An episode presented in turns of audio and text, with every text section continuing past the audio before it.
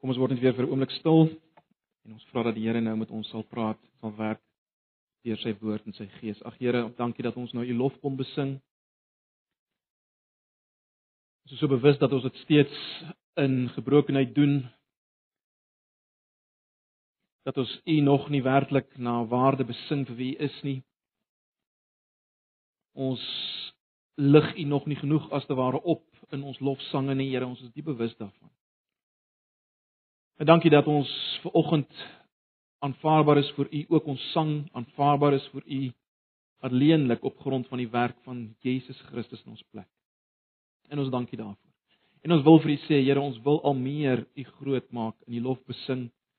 Nie net hier met ons sang die manier hoe ons nou gaan luister nie, maar ook uiteindelik as ons in hierdie week gaan lewe, wil ons u oplig en groot maak. U is dit waardig. U is alles. Vergewe ons. Vergewe ons elkeen vanoggend waar ons nog so baie ander gode vereer met ons tyd en ons aandag en ons emosies. Ag Here. Vervul ons maar net weer vanoggend met verwondering oor U self en dit wat U gedoen het vir ons. Asseblief. Ons vra dit net in Jesus se naam. Amen. Nou ja, kom ons eh, kom ons blaai na Hebreërs hoofstuk 4. Ons is steeds besig met Hebreërs. Ek vertrou die selgroepe, die klein groepe is daarmee besig. Uh dis nie dalk nie 'n slegte ding as as jy 'n huisgodsdienst hou om ook Hebreërs te lees nie. Ons het nou begin doen en dit dit help nogal. So kom ons blaai na Hebreërs hoofstuk 4. Uh, ek wil ook net noem as jy uitstap nou na die diens, daar agter sal jy uh, sien dat die die kleintjies se uh, uitbeelding gemaak van van van die preek en ek dink hulle het regtig nog 'n goeie werk gedoen. Uh onder leiding van Elvira. Ehm um, so as as julle nou die uitstap sal julle dit beter verstaan ook. So gaan kyk gerus as julle uitstap daar uh, die die uitbeelding van die preek daar agter deur die kleintjies. Goed, Hebreërs hoofstuk 4. Ek gaan julle uh, hoofstuk 4 lees.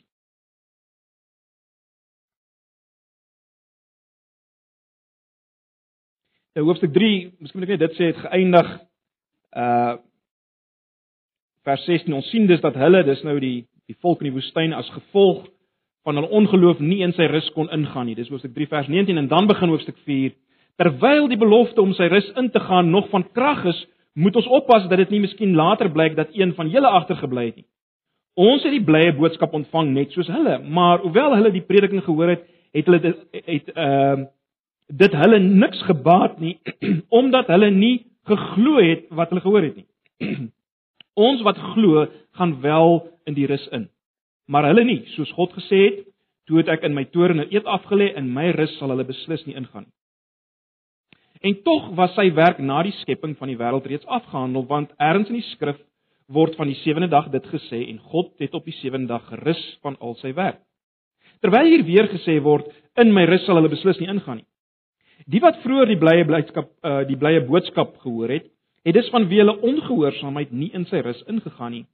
Maar vir sommige bly die moontlikheid bestaan om in sy rus in te gaan.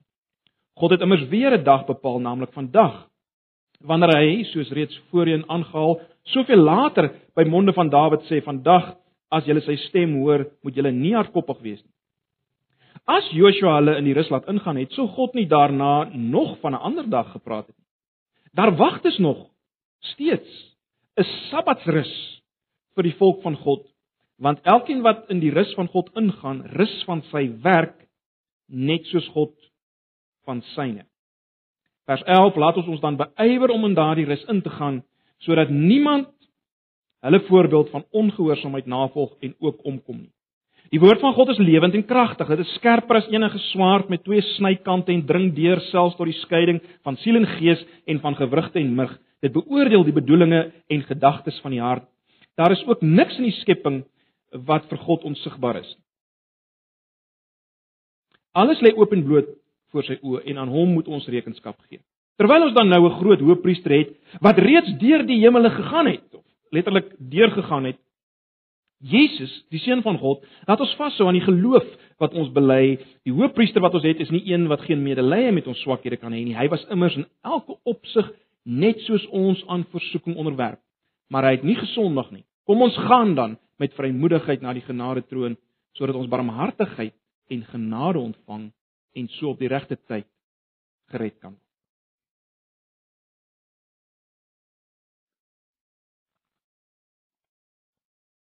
Ek het op 'n stadium gelees van 'n van 'n kunskompetisie wat gehou is. Uh, die deelnemers moes rus of vrede uitbeeld. Nou daar was honderde inskrywings gewees, groot opgewondenheid en uiteindelik uh, het net twee skilderye oorgebly. En daar was 'n groot afwagting wie wie sou wen. Die eerste skildery was 'n prentjie van 'n 'n paradys mooi spieelgladde meer met welige groen bome rondom uh lowergroen bome, welige groen gras, skape wat in hierdie gras wy uh onder 'n sagte blou hemel. En almal het gedink, wel, dis die wen. Pragtig. Paradys mooi. En dis die beeld van die van die tweede skildery. En aanvanklik was daar 'n doodse stilte. Doodse stilte. En toe bars daar 'n applous los. Op die doek was daar 'n waterval. So realisties dat jy as te ware uh die vog op jou liggaam kon voel. Die sproei wat van die waterval afkom. Geweldige waterval. Donker wolke het gehang oor hierdie waterval en as te ware gedreig om water te laat neerstort en en weerligstrale los te laat. Aan die kant van die rots het 'n dun boontjie uitgegroei. Wat op 'n of ander manier die die krag van hierdie vloed weerstaan het. En uit hierdie boontjie het een takkie gesteek waarvan die mik 'n paar sentimeters bo die val hang. 'n Paar sentimeters van die val. En in die mik van hierdie takkie was daar 'n 'n voelnesie. En 'n voeltjie het met toe oogies op haar eiertjies gelê in hierdie nes, paar sentimeter van hierdie water. Dit was die wenner. Dit was die wenner. Nou broers en susters, ek dink ek dink ons almal voel aan ons begeer sulke rus. Al weet ons nie presies hoe dit sal sal lyk uh, in ons lewens nie, maar, maar maar dit spreek ons aan, nie waar nie? Rus te midde van onrus. Dis ware rus. As jy kan rus te midde van onstuimigheid en onsekerheid en onveiligheid. Ons begeer dit. Ons begeer dit geestelik gesproke, né? Ons begeer dit in ons binneste, nie waar nie? Ons begeer dit. Sulke rus, iets van hierdie rus eh, wat in hierdie skilderye uitgebeeld is. Die vraag is natuurlik, waarom beleef ons dit dikwels nie? Waarom beleef ons dit dikwels nie? En dit bring my my by my by 'n eerste punt wat ek wil maak. Naamlik, wat is die oorsaak dat ons geen rus beleef? Wat is die oorsaak dat ons geen rus beleef?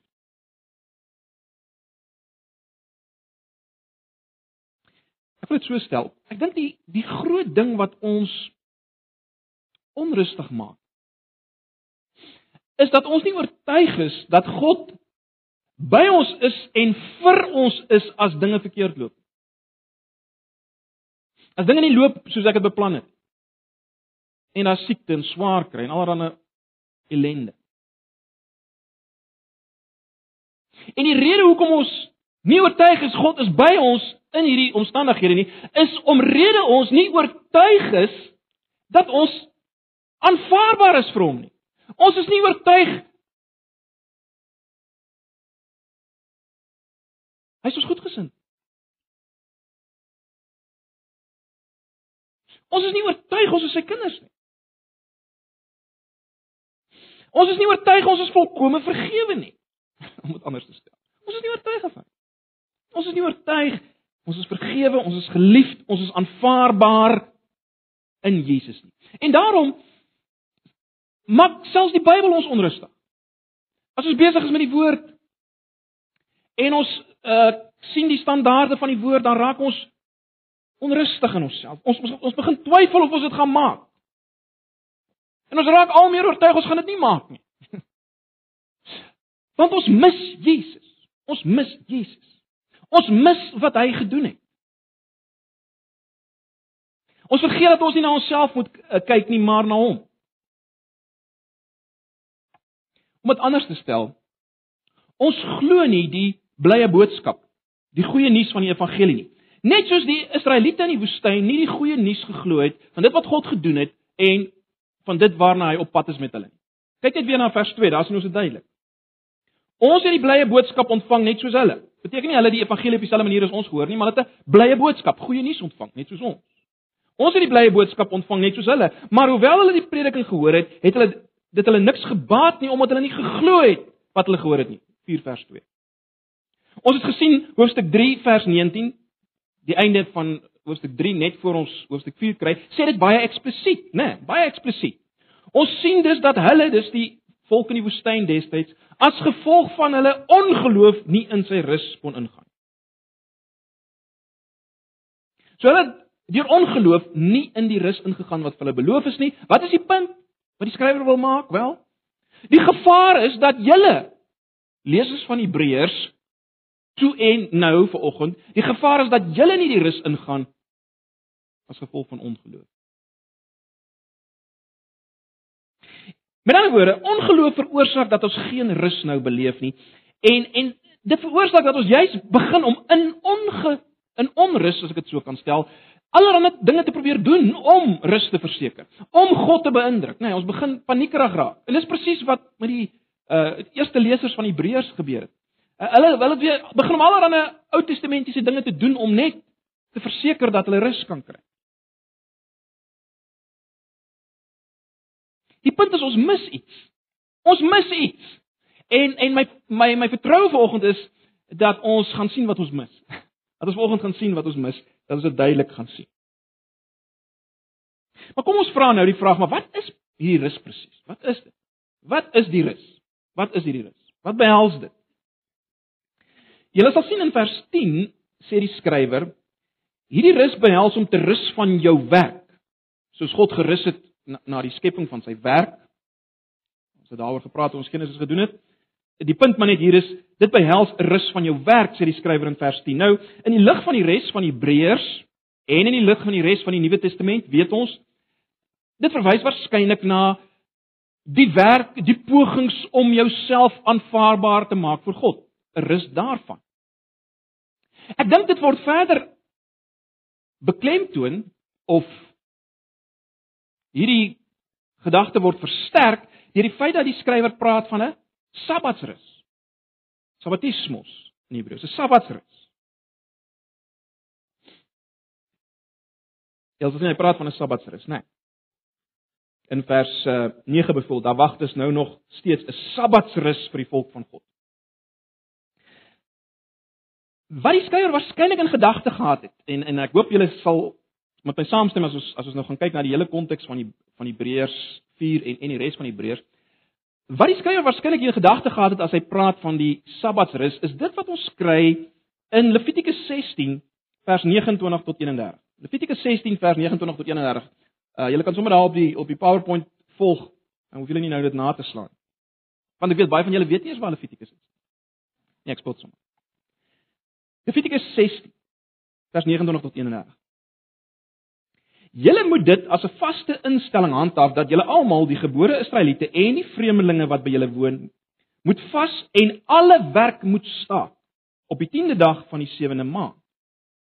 Want op die dag moet daar vir julle verzoening, let wel, moet daar vir julle verzoening gedoen word sodat julle rein kan wees. Julle moet in die teenwoordigheid van die Here gereinig word van al julle sonde. En dan vers 31 baie belangrik. Dit moet 'n plegtige rusdag wees. Nou as jy 'n Engelse vertaling het, miskien die ESV, dan sal jy sien dit moet 'n Sabbath wees. Sabbat wees. 'n Dag waarop jy vas, 'n vaste instelling. Baie belangrik. So dit moet 'n pleg plegtige Sabbat wees. Rusdag. Letterlike vertaling Sabbat soos soos in die ESV. 'n Dag waarop jy vas 'n vaste instelling. En dan vers 32 van hoofstuk 16. Die priester wat gesalf is en in die plek van sy vader as hoëpriester georden is moet die versoening doen. Hy moet die gewyde linne klere aantrek. Nou dieselfde die gedagte kry ons in Levitikus 23 vers 26 tot 28 en vers 32. Ek gaan dit nie nou lees nie. Maar wat sien ons hier? Ons sien dat Uh, in hierdie gedeelte Levitikus word die die die die die Sabbatordinansie, as jy dit so wil noem, dit word direk in verband gebring met die hoëpriester se offer op die versoendag. En dit wat bewerk is, verzoening vir sonde wat bewerk is. En nou weet ons. Aan die einde van hoofstuk 4, ons het reeds in hoofstuk 2 eintlik gesien, uh word daar in Hebreërs verwys na Jesus as die hoëpriester. Daar word baie gemaak van Jesus se offer vir sonde. En daarom het ek min twyfel dat dat dit in die agtergrond lê van die Hebreërs skrywer se gedagtes. As hy praat van die Sabbatsrus, die rus wat ons kan ingaan. Met ander woorde om dit saam te vat, die skrywer bedoel met hierdie rus is 'n rus van alle eie pogings om verzoening te bewerk en 'n rus in dit wat iemand anders in jou plek gedoen het. So dis 'n rus van al jou eie pogings om verzoening te bewerk, aanvaarbaarheid by God te bewerk en 'n rus in dit wat iemand anders in jou plek bewerk. En dit veroorsaak dan natuurlik 'n rus in alle omstandighede. Want jy weet jy's aanvaarbaar, jy's geliefd, jy's vergewe voor God. So dis die rus waarvan hy praat. Dis die rus waarvan hy praat. 'n Volgende vraag is maar wanneer gaan ons hierdie rus in? Wanneer kan ons hierdie rus ingaan waarvan hier gepraat word, wat ons nou so beskryf het? Wel,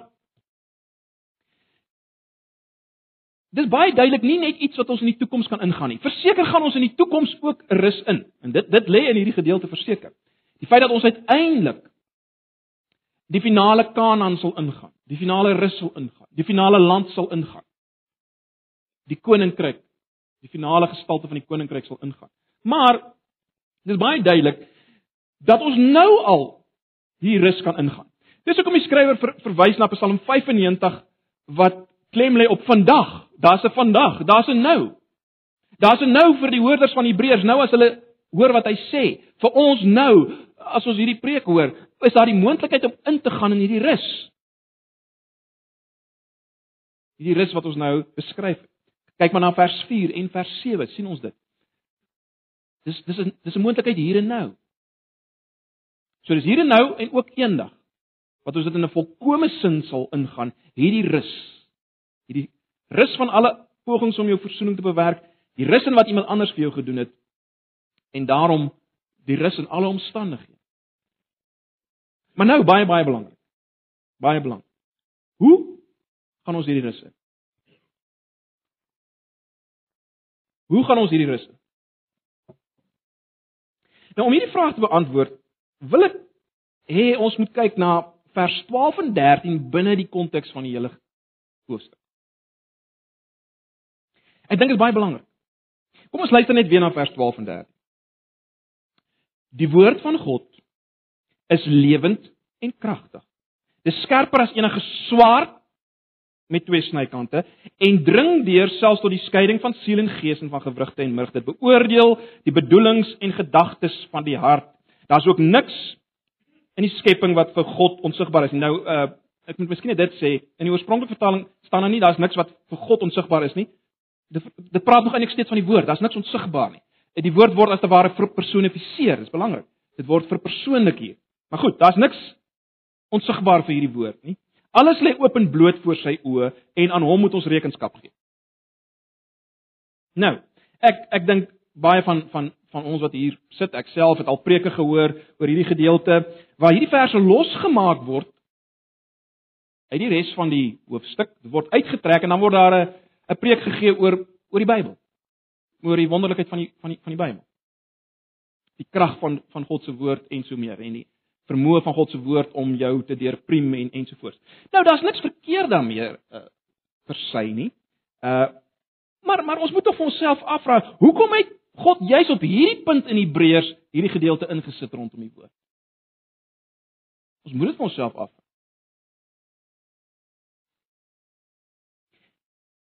Ek meen as ons nou die omliggende verse lees, nê, nee, die die die die hele kwessie van die Sabbatsrus van God wat voor vers 12 en 13 kom en dan die hele opmerking oor Jesus as hoëpriester net na vers 12 en 13. Wel, as mens daarna kyk dan, dan, dan lyk hierdie verse 'n bietjie uit hulle plek uit. Wat maak dit hier in die middel? Maar broers en susters, as mens dit versigtig lees. En dis hoekom dit belangrik is dat jy die die ehm um, Bybelstudie kursus bywoon. Ons moet leer om versigtig te lees. As mens versigtig lees en 'n bietjie langer hier by stil staan, dan sien mens dat hierdie verse, vers 12 en 13 baie versigtig en spesifiek geplaas is waar dit geplaas is. 'n Baie spesifieke doel. Baie belangrike rede. Onthou nou ons het in vers ag eh, ons het in hoofstuk 3 gesien dat eh uh, dat die skrywer vergelyk as te ware sy hoorders met die ouens in die woestyn, die volk in die woestyn wat gemurmureer het. Ehm um, teenoor God in moeilike omstandighede het eintlik vir God die skuld gegee. Hulle het nie meer geglo in dit wat God vir hulle beloof het nie en daarom het hulle nie die rus ingegaan. En dan kom hoofstuk 4 en hoofstuk 4 sê wel daar's hoop vir julle lesers van Hebreërs en vir ons vanoggend. Daar's hoop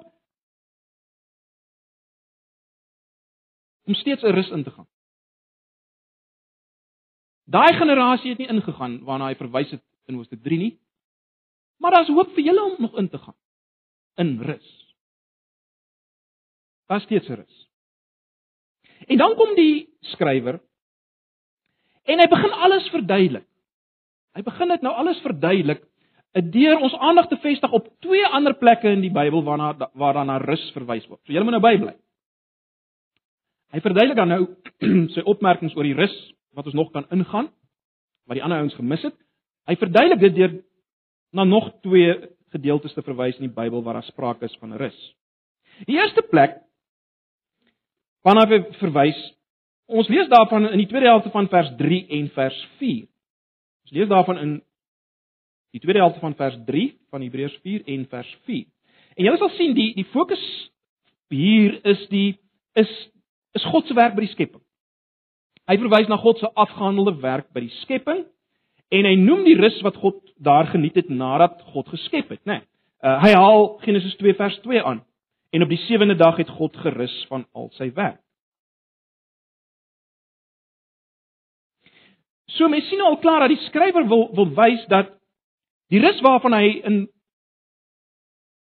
vers 1 praat van hoofstuk 4, die rus waarvan hy daar praat, kyk agtertoe en vorentoe. Dit kyk agtertoe in die eerste plek na die rus wat daar geheers het nadat God geskep het en let wel vir implikasie die rus waarin die eerste mense kon deel. Hulle kon deel in daai rus van God, né? Nee.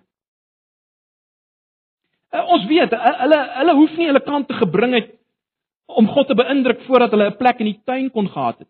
Nee. Uh, dit daar was niks daarvan nie. Hulle het met God gewandel in die aandwindjie. Hulle was in 'n volkomme regte verhouding met hom, met mekaar en die omgewing. Absolute prentjie van rus. So die rus waarvan Hoofstuk 4 vers 1 praat, kyk in die eerste plek terug daarna. Maar hierdie rus kyk ook vorentoe. Want hierdie rus wat die ouens in die tuin beleef het, is weer 'n prentjie van dit wat ons uiteindelik kan beleef en nou al kan beleef en later kan beleef. Julle sal sien wanneer ons kyk na vers 5 en 6 Daar maak die skrywer dit duidelik dat sekere mense in die verlede nooit in die rus ingegaan het nie. As gevolg van ongehoorsaam. Het daar sekere ouens nooit in die rus ingegaan nie. Nou, uh hy verwys natuurlik weer eens na die mense in die woestyn wat nie in die rus kon ingaan as gevolg van ongehoorsaamheid. Maar Mens kan ook sê indirek verwys hy ook na die ouens in Eden. Hy verwys weer na hulle wat nie die rus kon ingaan as gevolg van hulle ongehoorsaamheid of nie kon bly in die rus nie as gevolg van hulle ongehoorsaamheid. Dis ook maar nie eksplisiet in vers 5 en 6 sê hy praat nou van die woestyngenerasie mense nie. Hy hy praat net hy sê sommige kon deur ongehoorsaamheid die rus nie ingaan nie. En hy het nou net gepraat van God se rus in die skepping. En ons weet dit, né? As gevolg van Adam en Eva se ongehoorsaamheid kon hulle nie die rus geniet wat God vir hulle gegee het nie. En en en julle sal weet, wat was hulle ongehoorsaamheid ten diepste? Wat was Adam en Eva se ongehoorsaamheid ten diepste? Ja, ongeloof, is dit nie? Ongeloof in God se woord. Nie waar nie. Ek meen, julle weet, die die die slang sê vir Eva, "Het God regtig gesê?" En hy ewe skielik begin sy twyfel aan aan God se bedoelings en God se woord. En uiteindelik lei hierdie ongeloof tot optrede, uh die eet van die vrug en so mee. Maar nou, baie belangrik. Dis eintlik waarby ek wil uitkom. Maar goed, ons het nou gesien, dis die eerste rus waarvan waarna die skrywer verwys. Hierdie rus van God na die skepping en en per implikasie waarin Adam en Eva gedeel het en wat hulle uiteindelik verloor het. En nou baie belangrik. Wat lees ons in Genesis 3 vers 24? Miskien kan julle vinnig kyk na Genesis 3 vers 24.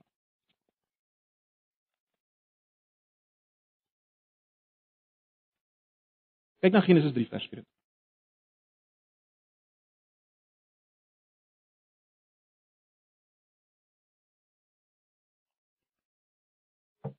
Belangrik is dit sal raak sien.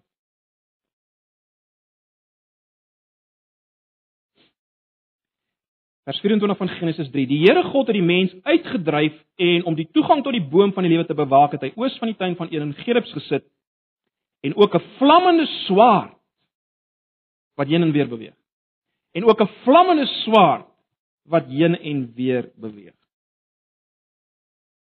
So Adam is in Eva is uitgedryf uit hierdie plek van rus en haar 'n vlammende swaard verhinder dat hulle kon terugkom. Adam sou vernietig word. As sondaar sou Adam vernietig word as hy as hy sou probeer om terug te kom in hierdie rus, sou hierdie swaard hom tref. Hierdie swaard wat beweeg het voor die tuin, die plek van rus. Dit sou vir Adam getref het. Hy sou dit nie kon ingaan nie. Adam kon nie weer God se rus ingaan nie. Hy sou iemand nodig hê voor hy kon ingaan in hierdie rus. Hy sou nodig hê dat iemand suksesvol as te ware by wyse van spreuke hierdie swaard kom trotseer. Nee, iemand sou in sy plek die swaard moes kon trotseer sodat hy kon ingaan in hierdie rus. Hy het 'n bevryder nodig gehad, 'n verlosser. Goed. Nou. Kom ons kyk na die tweede plek van rus waarna die skrywer van Hebreërs verwys. Kyk in vers 8 verwys hy daarna, né? Nee.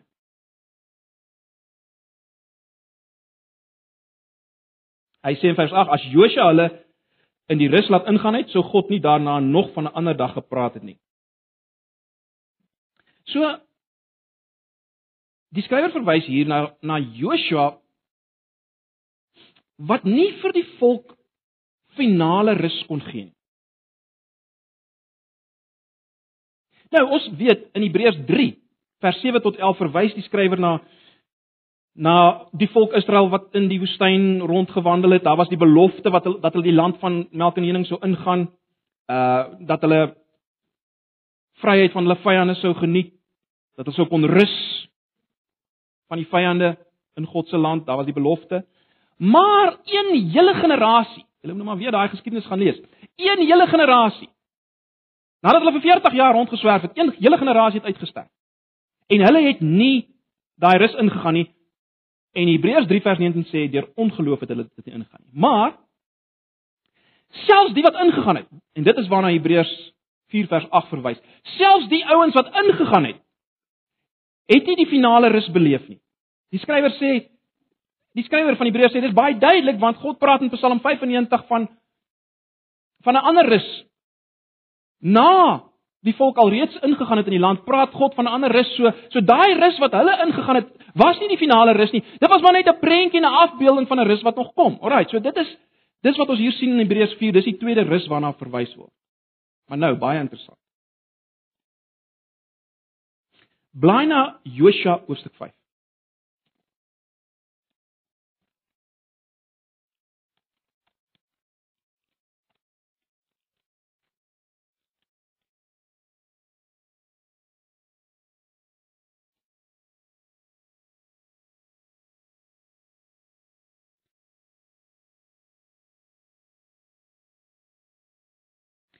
Die konteks van Josua hoofstuk 5 is dat hierdie generasie, die eerste generasie het nou uitgesterf en nou moet die die die volgende klomp ouens maak nou gereed om in te gaan in die land.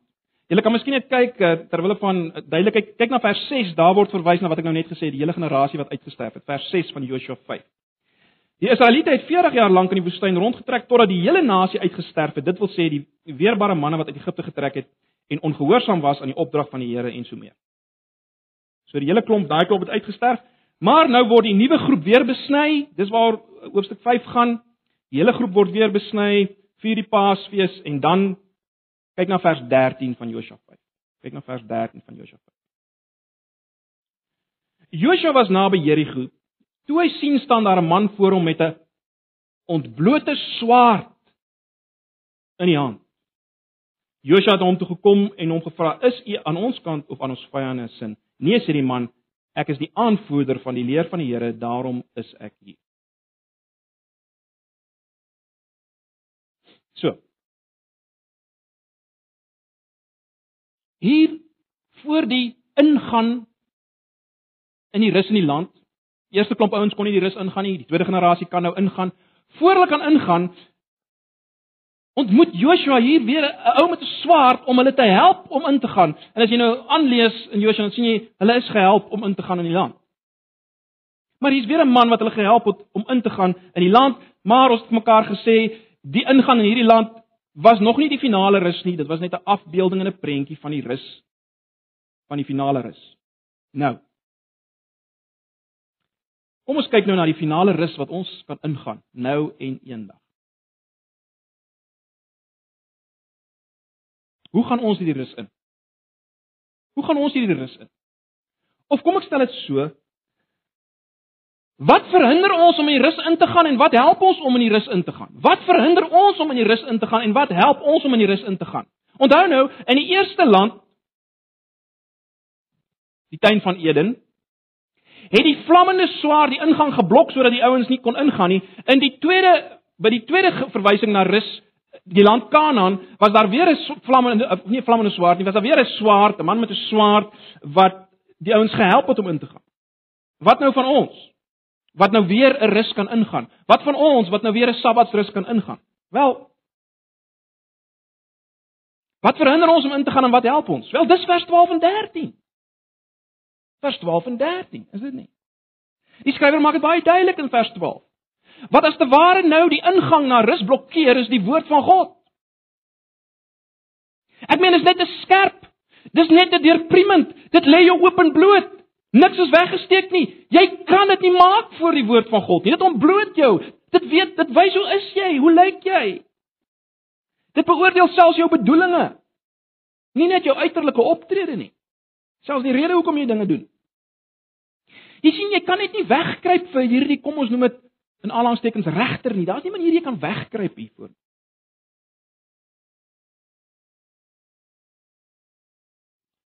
Het jy wel gesê in eh, in vers 13 word hierdie word hierdie swaard verpersonifiseer en en en en en dan word verwys na die feit dat alles is openbloot voor die oë van God. Maar maar hy praat nog eintlik steeds van die swaard, né? Nee, alles is openbloot.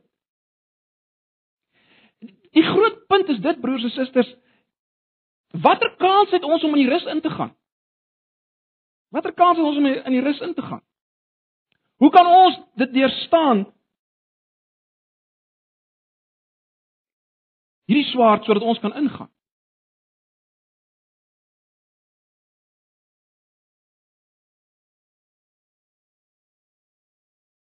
Dis die een kant.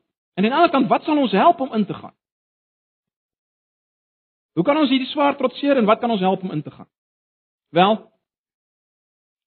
die antwoord word in vers 14 gegee. Kyk bietjie na die bewoording in vers 14.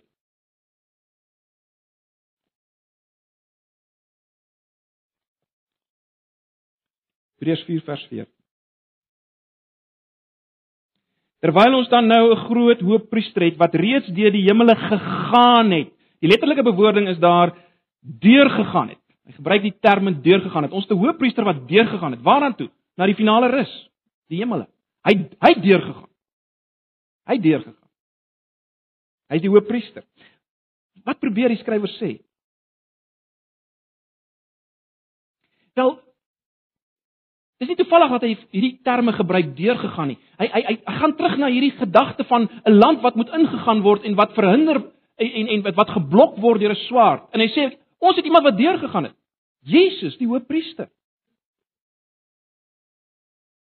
Hy het vir ons deurgegaan om aan te sluit by die beeld die swaard het hom getref.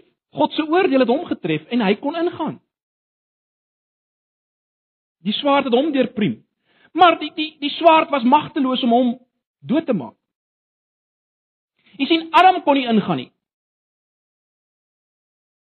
Hy was te sondig om terug te gaan. Joshua het hulp nodig gehad. Eh terloops is interessant, Joshua natuurlik se naam in Hebreëus beteken ook verlosser, Jesus. Maar hy kon nie hy hy het hulp nodig gehad om in te gaan. Ons kan nie die rus ingaan nie want ons het 'n verlosser nodig. Die punt is Jesus het aan die een kant die oordeel van die swaard deurgegaan sodat ons nou kan ingaan en hy help ons. Hoe kan hy dit doen? Wel, vers vers 15 gee ons die antwoord, né? Nee. Hy was immers in elke opsig soos ons aan versoeking onderwerp, maar hy het nie gesondig nie. Die punt is die swaard van God se woord kon Jesus by wyse van spreuke nie deurboor nie want hy het nie sonde gevind om hom dood te maak voor nie. Hy was sonder sonde. Maar hy is doodgemaak vir ons sin. Jy sien? vir ons in, in ons plek.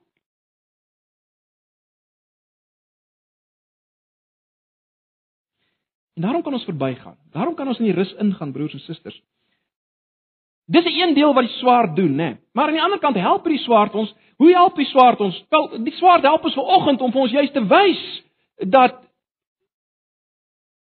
Jesus dit vir ons gedoen het, né? Nee, die woord van God, die swaard help ons vanoggend. Dit help ons op die pad van heiligmaking. Dit help ons op die hele pad uiteindelik om te kom by rus, nou al en uiteindelik, die uiteindelike rus wat kom. Broers en susters, om dit eenvoudig te stel, die skrywer van Hebreërs wil ons weer dryf na Jesus. Dis waaroor Hebreërs gaan. Hy wil ons dryf na Jesus en Jesus alleen. Onthou julle nog hoe word Jesus genoem in Hebreërs 1 vers 1 en 2? Wie wie is Jesus? In in Hebreërs 1 vers 1 en 2. Wie is Jesus? Enigeen. Hy is God se laaste woord. Jesus self is die woord van God. Dit is ongelooflik. Hebreërs wil ons net wat verwonder staan oor oor Jesus. Hy self is die woord van God. Hy vat die oordeel op homself, die swaard van die woord. Hy help ons en nou kan ons deurgaan, ons kan hierdie rus ingaan. Maar nou, Die vraag is dit bring my by by jou en my en ons probleem van ongeloof. Die vraag volgende is is jy oortuig dat jy die rus nou kan ingaan of ingegaan het en uiteindelik sal ingaan? Is jy regtig oortuig daarvan? Broers en susters, dit is uiters belangrik hierdie vraag. Of is jy gedurig nog onrustig?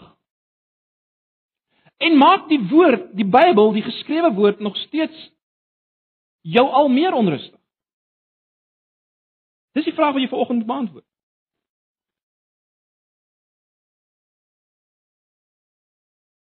Onthou wat ons gesê het, wat is die rede daarvoor? Wat is die rede vir onrus? Wel, ons het gekyk na hoofstuk 3 vers 19 en hoofstuk 4 se eerste 3 verse en die antwoord was ongeloof. Ongeloof maak jou onrustig. Ongeloof maak dat jy die rus nie ingaan nie. Met ander woorde, waarvoor moet ons letterlik vrees? Baie interessant die Die oorspronklike vertaling uh dis wat ons kry in die 1953 vertaling vers 1 van hoofstuk 4 begin so: Laat ons dan vrees. Nie net oppas nie, die nuwe vertaling praat van oppas, jy moet oppas. Letterlik staan daar: Laat ons dan vrees terwyl daar nog 'n belofte is om sy rus in te gaan, dat dit blyk dat jy agtergebly het. Waarvoor moet ons vrees? Of waarom moet ons vrees? Moet ons vrees dat ons nie goed genoeg is nie? Moet ons vrees dat ons nie ons kant gebring het nie? Moet ons vrees dat ons iewers opgeslip het? Is dit wat ons moet vrees? Is dit waarvoor ons bang moet wees dat ons dalk nie die rus gaan ingaan nie want ons ons is nie goed genoeg, ons maak dit nie, ons is nie getrou genoeg, ons ons is net nie goed nie. Nie my kant gebring vandag nie, nie genoeg die woord bestudeer nie gaan dit dalk nie maak nie? Is dit wat ons moet vrees? Nee.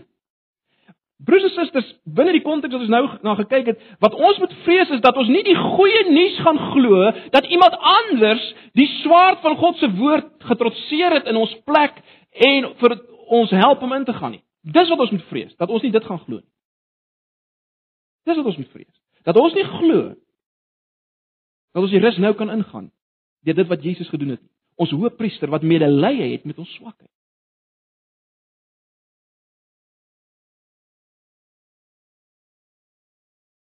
En dis wat ons vanoggend moet vrees dat ons dit nie gaan glo nie. So wat verhinder ons om die rus in te gaan? Ongeloof. Ongeloof. Ongeloof in Jesus se hoëpriesterlike werk, as jy wil. En ons gaan nou meer byvoorbeeld daarna kyk uh, in as die Here wil in twee Sondae se tyd. Jy sien vers 4 vers uh, hoofstuk 4 vers 1 maak dit baie duidelik die belofte om sy rus in te gaan staan vas. Vers 7 maak dit weer duidelik. Vandag as jy sy stem hoor, gaan die rus in. Glo vandag hierdie goeie nuus. Moenie sê, ag wat nee, wat ek maak dit nie. Ag ek kan myself nie net 'n Christen noem nie. Ag ek maak dit nie. Weet ek is net nie goed genoeg nie. Ag ek het nie die ek het nie ek kan nie leef soos hierdie ene nie. Ek moenie. Dis ongeloof. Jy kyk weg van Jesus. Jy kyk na jouself. Jy gaan die rus mis. Dis die punt.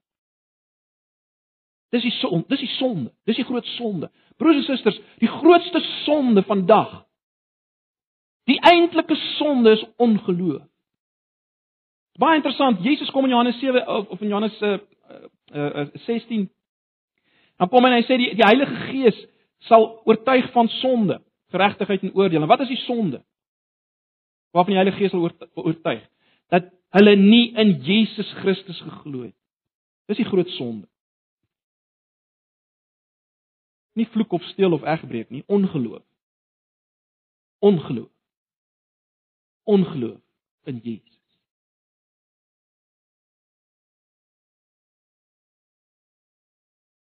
Dit was die gevaar by die Hebreërs, né? Nee. Hulle het nie geglo dit wat Jesus gedoen het nie en toe begin hulle weer alle dinge kan hulle dinge self doen om die rus te kry.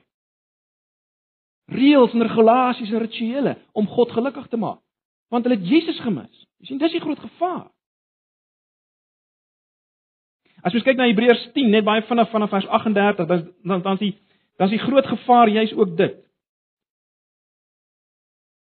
Om jou te onttrek, om nie meer te glo nie. Hoofstuk 10 vers 38. En wie deur my vrygespreek is omdat hy glo sal lewe, maar as hy terugduin, sit ek aan hom niks meer nie. sien julle dit? 10 vers 38.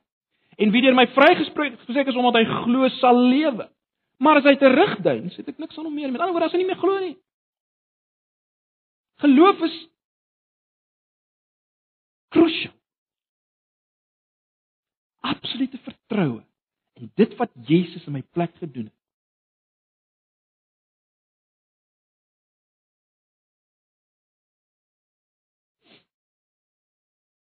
Broers en susters, wat beteken dit om te glo?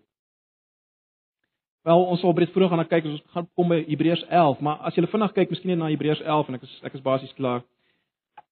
Kyk na Hebreërs 11 vers 1.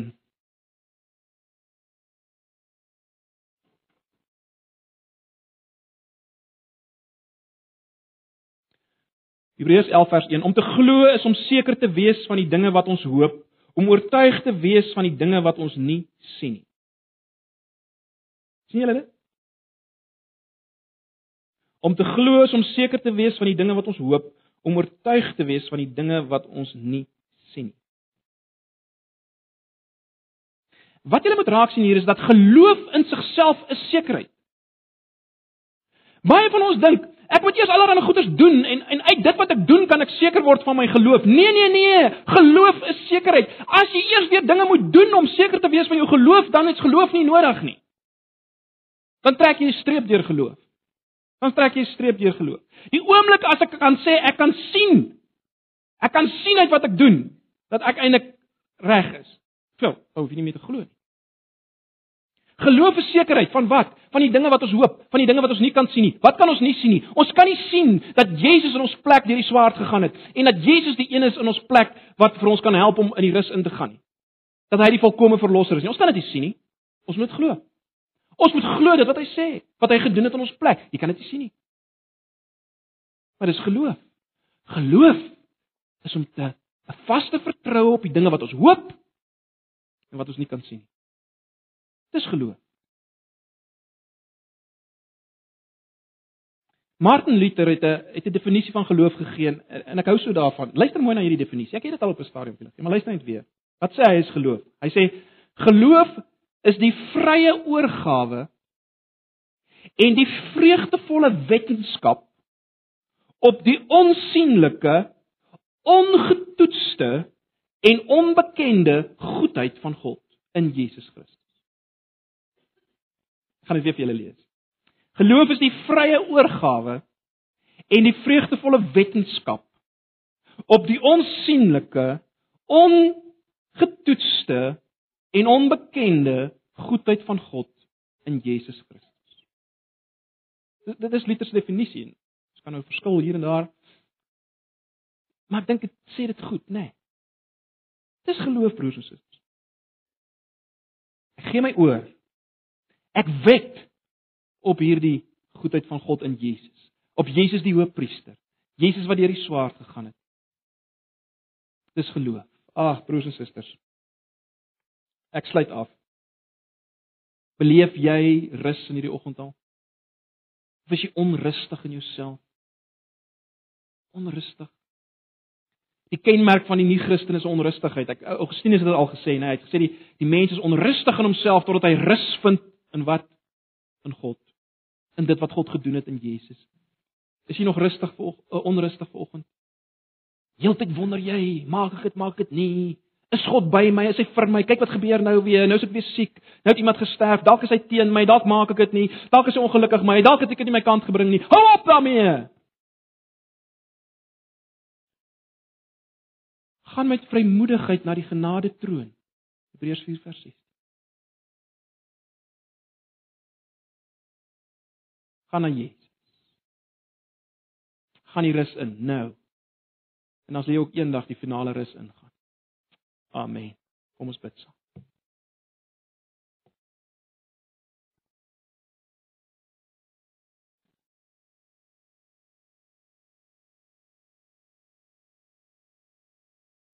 Ag Here Jesus, my gebed is vanoggend dat U net deur die werking van U Gees U self aan ons elkeen sal toon. En as ons verder deurgaan deur Hebreërs dat U nog meer U self as die hoëpriester in die finale offer aan ons sal toon. Here, U weet hoe sukkel ons om dit te vat. Help ons om vanoggend te sien dat ons dit nie kan maak nie. Alles is openbloot voor U oë. U die woord van God. Ons maak dit nie, ons kan dit nie maak nie. U U ken selfs ons bedoelings. Hoe op aarde kan ons dit maak? Maar dankie Jesus dat U ingegaan het. Deur die swaard heen en dat U ons help met die swaard om nou die rus in te gaan en uiteindelik eendag volkome. En ek wil vra Here dat hierdie wete, hierdie vertroue in U ook rus prakties sal veroorsaak in ons elke dag se lewe binne ons omstandighede. U ken ons, U ken vanoggend elkeen wat onrustig is as gevolg van omstandighede en moeilikhede en probleme. Ag Here dat ons dit sal bring na U toe, aan U voete sal lê. U wat medelee het met ons swakheid, U ons hoëpriester. Omdat ons aanvaarbaar is vir U. Omdat ons geliefd is in Jesus. Asseblief, Heer. Mag nou die genade van ons Here Jesus en die liefde van God en die gemeenskap van sy Gees by julle wees en bly. As julle gaan vashou aan Jesus, die een wat julle die rus laat ingaan hulle help om uiteindelik die finale rus ook in te gaan. Mag julle sy vrede beleef, sy rus in hierdie week. Amen.